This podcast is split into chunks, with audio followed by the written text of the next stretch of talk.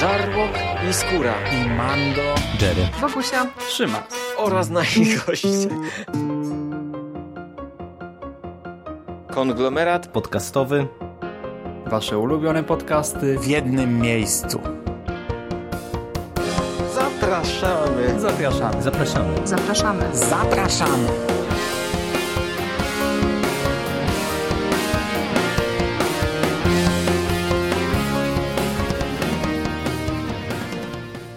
Witam w konglomeracie podcastowym, czyli na platformie, która zbiera wszystkie Wasze ulubione podcasty w jednym miejscu. Ja nazywam się Paweł Mateja i chciałem opowiedzieć Wam dzisiaj o nocy grozy i horrorów, konkretnie o drugiej nocy grozy i horrorów organizowanej w ramach NMF-u z okazji Halloween. Konkretnie ja wybrałem się do Zabrza, do Multikina, mm, by zobaczyć cztery filmy. Po kolei wymienię. Slumber, to była przedpremiera. Dead Awake, również przedpremiera. Baba Jaga oraz To przychodzi po zmroku. Żadnego z tych filmów wcześniej nie widziałem i od razu wytłumaczę, nie byłem na pierwszej nocy, dlatego że kończyła się autopsją Jane Doe, którą już widziałem i uznałem, że mm, raczej dwóch maratonów takich nie dam rady obejrzeć, to już nie ten wiek dla mnie. E, dlatego pierwszą noc odpuściłem, uznałem, że pójdę tam, gdzie są same dla mnie premierowe rzeczy. Kilka słów w ogóle o maratonach. To nie jest coś, na co ja wybierałbym się często. Nie wiem w zasadzie dlaczego. Może dlatego, że, że jakoś późno w ogóle dotarło do mnie, że coś takiego istnieje i że jest to w sumie fajna zabawa. Mm, tak, generalnie był to chyba mój drugi e, NMF-owy maraton, na jaki się w ogóle wybrałem. I przyznam, że sam klimat i jakby odczucia po imprezie mam bardzo pozytywne. Oczywiście, jeśli ktoś idzie na takie coś do kina, to musi być w 100% przygotowany na to, że wszędzie będzie rozsypany popcorn, mnóstwo rozmawiających ludzi, śmiechy, hałasy w czasie seansów. A przyznam, że mnie to szczególnie nie przeszkadza. Sam zabrałem ze sobą sporą ilość popcornu czy jakichś innych rzeczy. Starałem się oczywiście jeść cicho. No to jest coś, na czym mi zawsze bardzo zależy, żeby innym nie przeszkadzać, ale jednocześnie, jeśli ktoś takie rzeczy robi, to nie jest to dla mnie problem, dopóki nie krzyczy, nie tupie, nie wymiotuje i tak dalej. Nic takiego nie zaobserwowałem, więc ogólne wrażenia z całej imprezy mam pozytywne. E, I chciałem opowiedzieć Wam w skrócie o filmach, które udało mi się w ramach tego maratonu zobaczyć. Będę opowiadał o nich w kolejności, w jakiej zostały wyświetlone. Pierwszy, pierwszym filmem był Slumber, debiut w zasadzie reżyserski Jonathana Hopkinsa z 2017 roku. To, jak mówiłem, jest przedpremierowy pokaz. Opowiada on o rodzinie, która zgłasza się do kliniki zajmującej się zaburzeniami snu, z problemem, który jakby łączy całą rodzinę. Cała rodzina cierpi na jakieś bardzo dziwne zaburzenia snu, można powiedzieć na lunatykowanie, w czasie którego robią bardzo dziwne, bardzo niepokojące rzeczy, mm, nie zdając sobie zupełnie z tego sprawy. I robią tak poza synem, który w czasie, kiedy cała rodzina, nie wiem, chodzi po domu, uderza pięścią w ścianę albo mm, odcina, tam córeczka odcina zabawką głowy wielkimi nożycami, on w tym czasie leży w łóżku przyciśnięty wręcz paraliżem sennym, w czasie którego nawiedzają go dziwne i bardzo niepokojące wizje. I jakby to, co jemu się wydarza, jest, yy, wydaje się być katalizatorem wszystkich problemów rodziny. Nie będę specjalnie mocno referował fabuły tego, co dzieje się tam dalej, z kilku względów. Po pierwsze, dlatego, że nie dzieje się. Znaczy, nie chcę w ogóle wydzielać strefy spoilerowej. No, Myślę, że nie ma, nie ma tutaj zupełnie potrzeby. Postaram się nie spoilerować przesadnie. Ale dobra, oceniając tak na początek film, żeby jakby zrobić tło, muszę przyznać, że był on naprawdę słaby. Były w nim pojedyncze sceny, które uważam, że wyszły naprawdę świetnie na takim, wiecie, poziomie realizacji. Natomiast całość no, była moim zdaniem bardzo głupawa i nieprzekonująca. Główną bohaterką filmu, poza oczywiście wspomnianą rodziną, jest taka bardzo ładna, perfekcyjna pani doktor, która mm, przejmuje opiekę nad lunatykującymi. I oczywiście, jak to bywa w takich filmach, sama z czasem staje się ofiarą tego, co stara się uleczyć. Taką bazą, na której zbudowany jest film, jest chyba od odkrycie przez kino pojęcia paraliżu sennego i możliwość wykorzystania go jako jakiegoś mo nowego motywu straszenia. Cały problem jakby tutaj jest w tym, że paraliż senny to nie wiem, czy ktoś z Was tego doświadczył. Ostatnio rozmawiałem o tym w ramach karpiowego podcastu z Agnieszką i tam możecie o tym więcej posłuchać. To jest y, bardzo specyficzne bardzo zazwyczaj przerażające uczucie, jakiego można zaznać w nocy, kiedy jakby mm, ze snu wybudza się umysł człowieka, ale ciało nadal zostaje no właśnie sparaliżowane e, przez jakby różne wewnętrzne procesy, które mają nas chronić przed poruszaniem się w czasie snu. W czasie, kiedy ma się paraliż, miewa się bardzo różne i bardzo nieprzyjemne wizje. Ja sam kilka razy tego doświadczyłem i no naprawdę nie jest... Z jednej strony jest to coś, co, co mógłbym powiedzieć, że polecam, bo, bo jest to wyjątkowe przeżycie, z drugiej jest ono naprawdę przerażające. I jeśli mieliście taki paraliż, jeśli, jeśli nawiedziły was w czasie jego jakieś niepokojące wizje, e, widzieliście obok siebie coś strasznego, może ktoś straszny albo może nie straszny, siedział na waszym łóżku, czuliście jakąś duszność, na pewno trudno wam było później zasnąć. Na pewno nie mieliście ochoty tego robić i no, to jest coś, co naprawdę trzyma się za człowiekiem często przez kilka dni i wyobrażam sobie, że jeśli się w taki paraliż wpada codziennie, no to naprawdę niechętnie człowiek musi kłaść się do łóżka. Potencjał samego paraliżu jako czegoś, co będzie zawiązaniem fabuły w horrorze, moim zdaniem jest fantastyczny. Czego genialnym przykładem jest y, film The Nightmare sprzed paru lat, który możecie zobaczyć na przykład na Netflixie. To jest taki dokument czy paradokument opowiadający właśnie o samej, opowiadający o ludziach, którzy właśnie, którzy cierpią na takie zaburzenie snu. Plus w The Nightmare sporo jest o tak zwanych cienistych ludziach, czyli jakiejś takiej formie demona, którą też, które często łączy się z paraliżem sennym. I to jest film, który jest autentycznie, absolutnie przerażający, przynajmniej dla kogoś, kto takich rzeczy doświadczył. Mm, w czasie oglądania tego filmu naprawdę te, te wszystkie emocje do niego, myślę, wrócą. No i właśnie, potencjał jest gigantyczny. The Slumber nie wykorzystało go niemal w ogóle. I ja tak naprawdę nie wiem, jak tutaj, na co tutaj pomarudzić, bo w zasadzie no, mógłbym na wszystko. Ten, przy czym nie jest to film, wiecie, który jest zły. On być może wynika to z tego, że reżyser nim właściwie w pełnometrażowym horrorze dopiero debiutuje. On jest po prostu boleśnie nijaki i taki źle przygotowany. Na przykład pani doktor, która jest, jest naprawdę jest taką postacią, którą patrzycie od pierwszej sceny, jak gdzieś tam sobie chodzi, jest po prostu taka mega idealna. Piękny makijaż, w ogóle wysportowana i tak dalej. I ona jest taka przez cały film. Nawet jak są sceny, gdzie taka nie powinna być, to macie wrażenie, że ona cały czas, cały czas po prostu to wszystko jakoś, nie wiem, tak wokół niej spływa Chociaż widać, że nie taka była intencja. Po prostu nawet nie, że jej gra, tylko jej rola jest tak boleśnie źle stworzona, tak niewiarygodna, że no po prostu trudno tutaj cokolwiek kupić z tego, co próbują nam mm, zaserwować twórcy. Jest tutaj taki smaczek, który no nie wiem, może kogoś ucieszy, ale większość myślę raczej rozbawi. No, mianowicie mamy tutaj przezabawne słowiańskie nawiązania. Paraliż senny to nie jest coś, co w kulturze istnieje od wczoraj, chociaż mam wrażenie, że horror e, dopiero to odkrywa. Jest to coś, co po prostu i w sztuce, i w kulturze, i w, nie wiem, w jakiejś kulturze grozy istnieje od dawien dawna. E, zresztą znacie z pewnością te obrazy pokazujące człowieka w czasie snu, na którym siedzi jakaś taka dziwna wiedźma czy dziwny demon, na, siedzi na czyjejś klatce piersiowej, jest tam jakiś chyba koń w tle, jest taki, taki mroczny, niepokojący obraz, jest ich nawet zresztą więcej. No, przyznacie, no nie musicie chyba nawet googlać, czy ja nie muszę wstawiać tego obrazu, żebyście wiedzieli o co chodzi. A właśnie co ciekawe, pani doktor nie. E, mamy tutaj do czynienia z jakąś panią doktor, panią profesor, która ma być z pewnością wybitnie wykształcona, młoda, ale taka bardzo zdolna. No i ona pracuje w klinice e, leczenia snu i wydaje się, że ona nie ma bladego pojęcia o tym, czym w ogóle jest paraliż, a o takich rzeczach jak nocna mara, czy mm, te, te właśnie obrazy, o których wspominałem, które no, z pewnością, jeśli ja tylko o tym mówię, to wiecie, o które mi chodzi.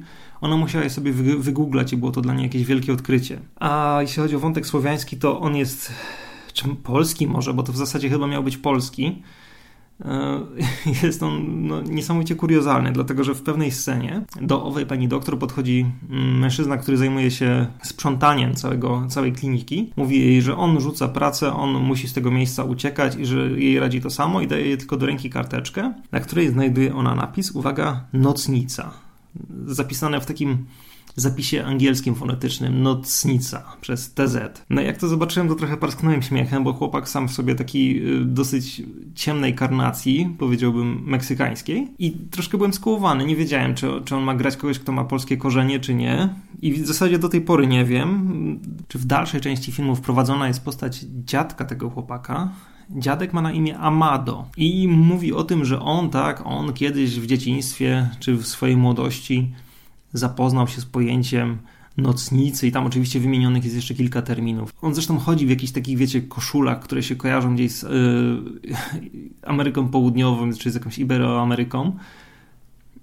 I nocnica. I po prostu nie wiem, tu jakby zupełnie nie wytłumaczono nam skąd się wzięło w ogóle to słowo nocnica. Jego nie tłumaczą. No tak do, dokładnie tak zostało w filmie użyte. No i wydaje mi się, że reżyser chciał ułożyć obrazek z puzli, tylko że nie pasowały mu do końca, więc po prostu zaczął je wbijać młotkiem, zbijać młotkiem ze sobą. No i nie wiem, no tak naprawdę wiele więcej o tym filmie powiedzieć chyba nie mogę. No był on po prostu boleśnie przeciętny.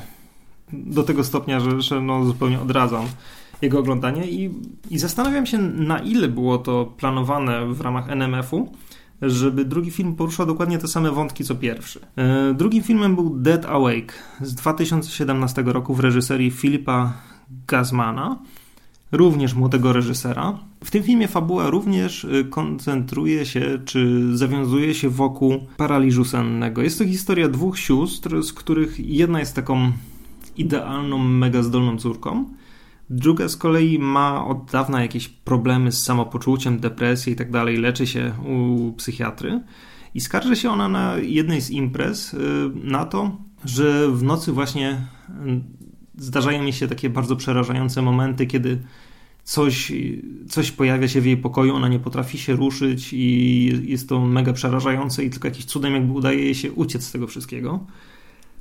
No, oczywiście ludzie to bagatelizują. Siostra przy jakiejś tam rozmowie mówi jej o tym, żeby musi jakby z tym walczyć, że, że najlepiej jeśli po prostu stawi czoła swoim koszmarom i kilka nocy później siostra, mm, ta smutna, w czasie snu umiera. A więc jej siostra, jak to oczywiście bywa w tego typu filmach, jej ta zdolna i idealna siostra decyduje, że musi wyjaśnić, co się zdarzyło siostrze, bo nie mógł to być przecież tak naprawdę atak astmy. I starając się rozwikłać tajemnicę śmierci siostry, sama wplątuje i siebie, i swoich znajomych, czy jakieś obce osoby w niebezpieczną sytuację, która ma jakieś paranormalne korzenie. Film w stosunku do Slumber jest o wiele spójnie i lepiej wyreżyserowany.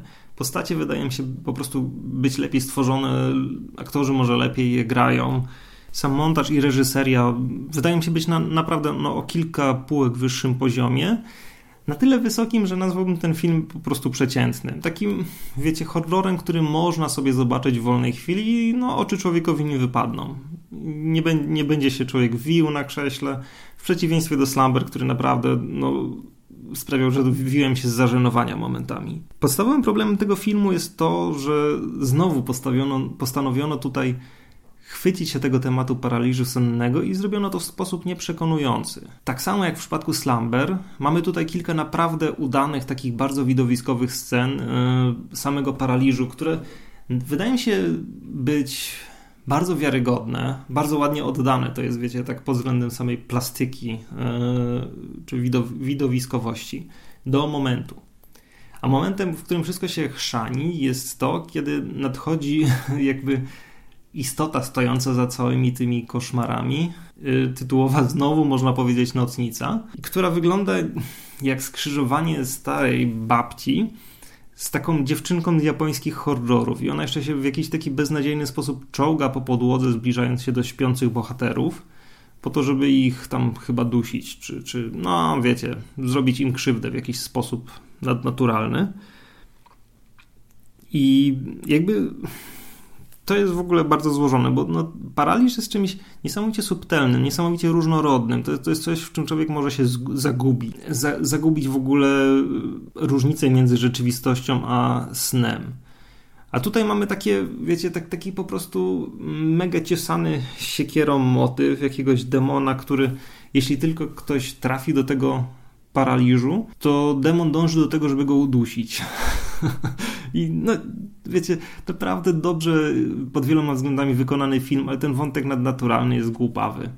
Znaczy głupawy, on jest po prostu jest słaby. Jeśli ktoś miał paraliż, a jestem przekonany, że no 90% z was albo go miało, albo będzie go mieć kiedyś, to załapie, że, że no, próbowano tutaj jakby zrobić z czegoś bardzo takiego efemerycznego, z czegoś, co samo w sobie jest niesamowicie mocnym i takim uderzającym pomysłem, próbowano zrobić jakąś kliszę. Po prostu próbowano z tego paraliżu zrobić jakiegoś trywialnego potwora hollywoodzkiego. Czy ja mogę o tym filmie powiedzieć coś więcej? Plusem jest to, że mamy tutaj nie mamy jakichś wprost nawiązań do jakiejś idiotycznej, idiotycznie pojmowanej słowiańskości.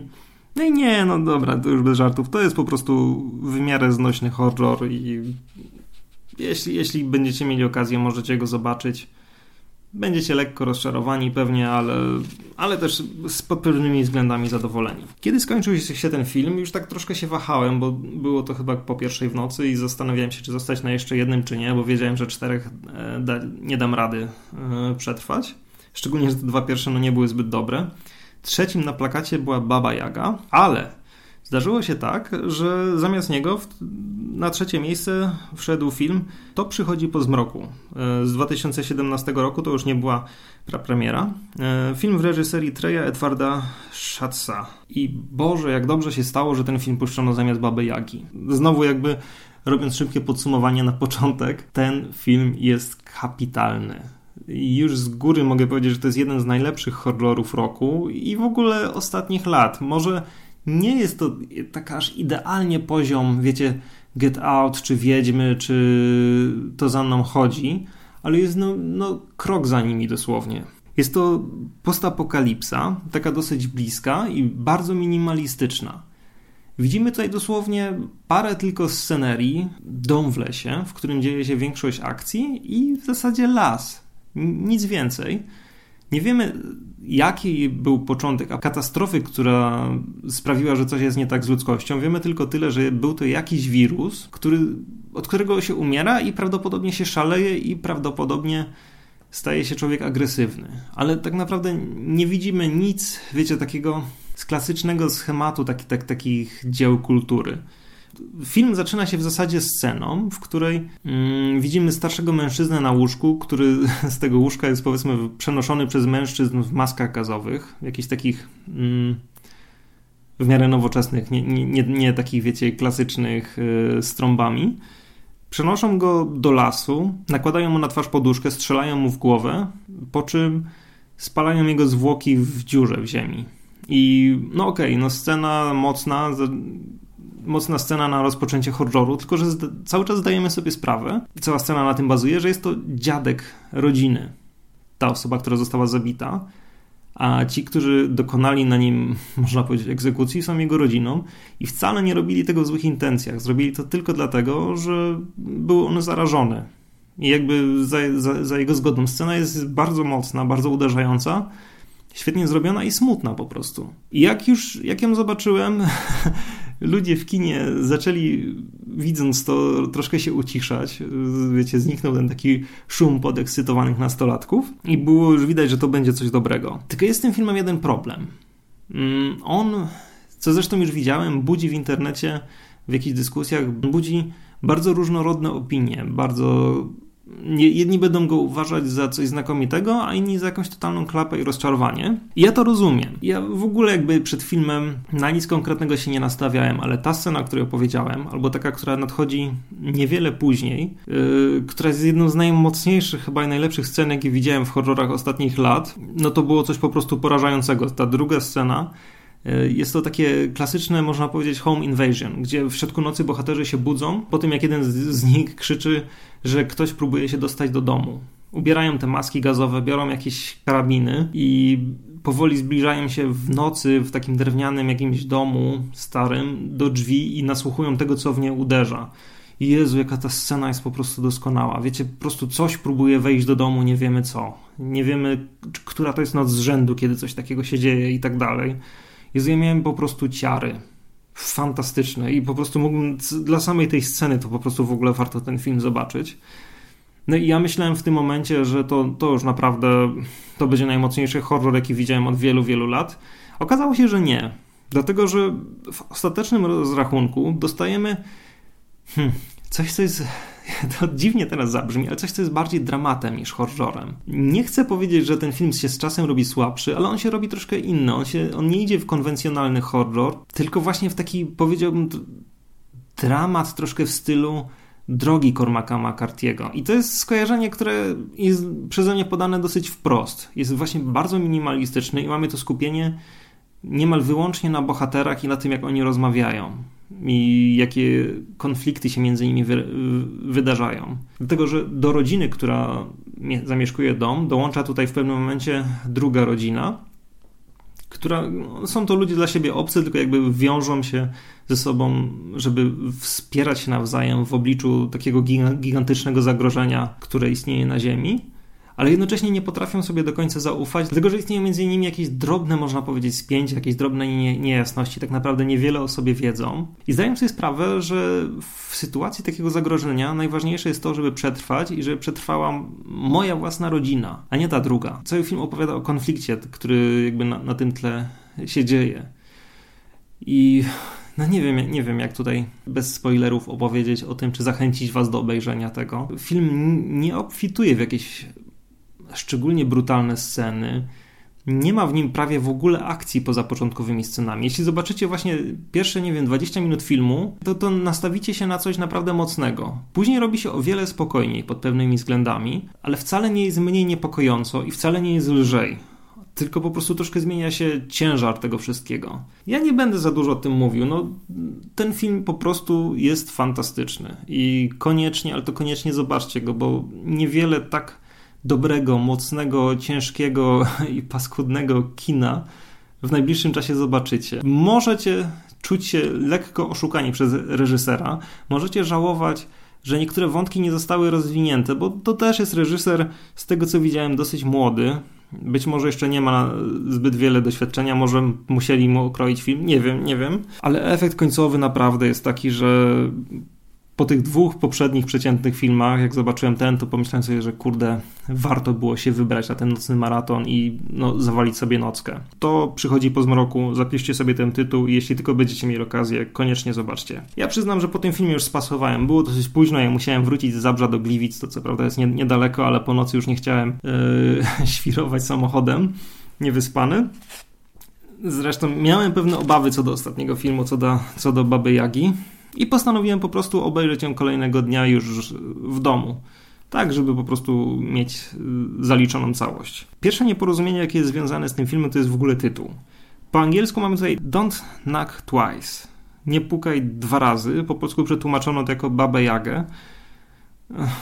No, powiedzmy, że, że istnieje ona w tym filmie mniej więcej jako postać, ale dlaczego tak głupio ten film przetłumaczono, nie wiem. No, nie był to dobry pomysł. Jezu, jak ja się cieszę, że ja nie zawaliłem już do końca nocki dla tego koszmaru, bo o ile poprzedni film, o którym mówiłem, był naprawdę jednym z, dla mnie z najlepszych, największych takich odkryć filmowych ostatniego czasu, tak tutaj to jest jedno z największych, znaczy nawet nie wiem, czy, nie wiem, czy rozczarowań, bo ja nie miałem jakichś wysokich wymagań co do tego filmu, ale on po prostu jest chyba no, jednym z najgorszych horrorów, jakie widziałem w ostatnich latach. I ja tak naprawdę nawet nie wiem, jak wam zreferować fabułę. No, jest, to, jest to o tym, że do matki, która miała problemy z narkotykami, mieszka w gigantycznym domu, jest bardzo bogata. Wraca po kilku latach, czy po dziesięciu chyba latach, jej córka. I w zasadzie nie chce do tej matki wracać, ale do niej jakoś tam z pewnych względów wraca i nawiedza ją tam e, jakiś dziwny demon, który wydaje się być właśnie babą Jagą. Dla Polaka to naprawdę brzmi głupio, prawda? Znowu mamy tutaj jakieś słowiańskie nawiązania, które są już po prostu dla mnie tak mega bekowe. Po prostu tylko ręce załamać. Wiecie, to jest taki przykład czerpania bardzo płytkiego z jakiegoś zewnętrznego, zewnętrznego folkloru, którego się nie zna. Chyba dwa lata temu na NMF-ie był film, który dział się w Indiach. Mm, nie pamiętam tytułu, ale tam było dokładnie to samo, tylko jeszcze większej gęstości, ale tutaj jest głupiej. Tam po prostu, wiecie, wzięto sobie indyjskie różne jakieś mity, legendy, czy jakby tego nie nazwać, i próbowano z tego ukręcić jakiś klimatyczny horror, co wyszło po prostu sztucznie, płytko i tak wiecie, takim, waliło takim postkolonializmem, a tutaj mamy to samo, tylko że z, z, z Słowianami, czy, czy z Polakami, nie wiem tak naprawdę. Jest tutaj postać jakiegoś ducha starszej kobiety, która z jakiegoś powodu jest Polką, nie wiemy do końca dlaczego chyba. To, że jest Polką, jakby można podejrzewać po dwóch rzeczach. Po pierwsze, wygląda jak. jak po prostu osoba z, trochę z trzeciego świata, taka, taka szara, przeciętna, niepomalowana, no, starsza niepewna i tak dalej i mówi z bardzo takim śmiesznym akcentem. Przy czym nie mówi koniecznie z tym akcentem po angielsku, tylko jest tam moment, w którym wypowiada ona słowo przepraszam i brzmi ono mniej więcej tak przepraszam. I Boże, jak to usłyszałem, to miałem bardzo duże problemy, żeby w ogóle dociągnąć do końca z tym filmem. W zasadzie nie wiem, po co myśmy to oglądali do końca.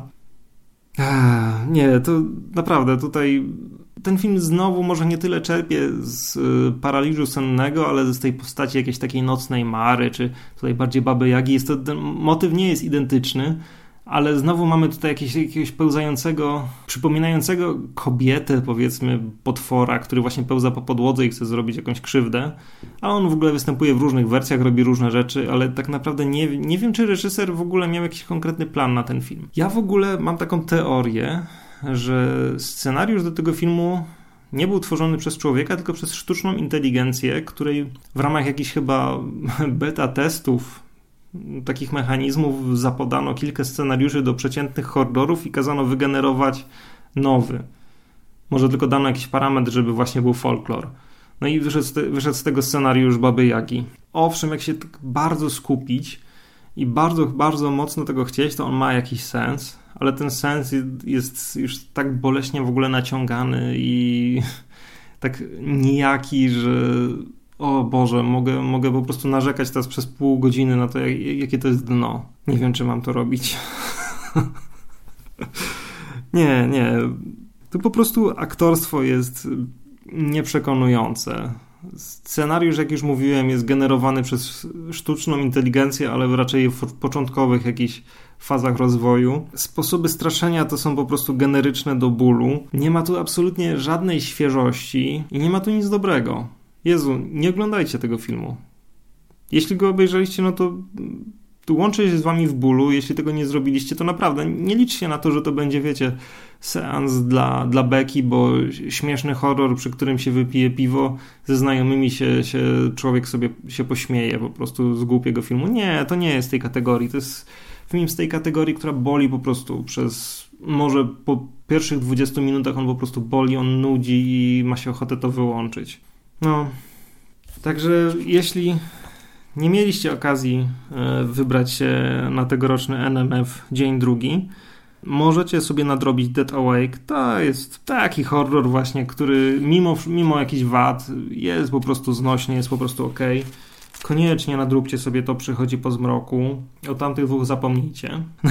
no i chyba tyle. Jeśli widzieliście te filmy, to dajcie znać w komentarzu, co o nich sądzicie. Mam nadzieję, że macie, znaczy myślę, że macie podobne zdanie, ale no, no jestem bardzo ciekaw, bo o tych szczególnie dwóch pierwszych, czyli o Dead Awake i o Slumber jeszcze za wiele opinii w polskim internecie nie znalazłem, bo no wiadomo, to była jakaś tam przedpremierowe pokazy. Z góry właśnie przed Slumberem też bardzo ostrzegam, ale jeśli, jeśli zobaczycie, jeśli mimo wszystko jesteście ciekawi, dajcie znać w komentarzach, co sądzicie o tym filmie. Ja, ja bardzo lubię takie rzeczy czytać. I to myślę, że tyle. Jeśli miał ocenić jeszcze raz sam NMF, yy, samą noc grozy i horroru, nie, no to bardzo udana impreza. Wiecie, zawsze na takich imprezach są filmy lepsze i gorsze.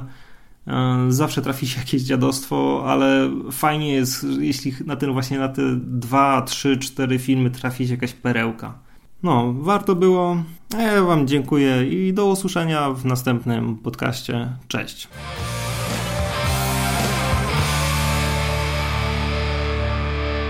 You finished? That's it, man. Game over, man. It's game over. What the fuck are we gonna do now? What are we gonna do? It's over.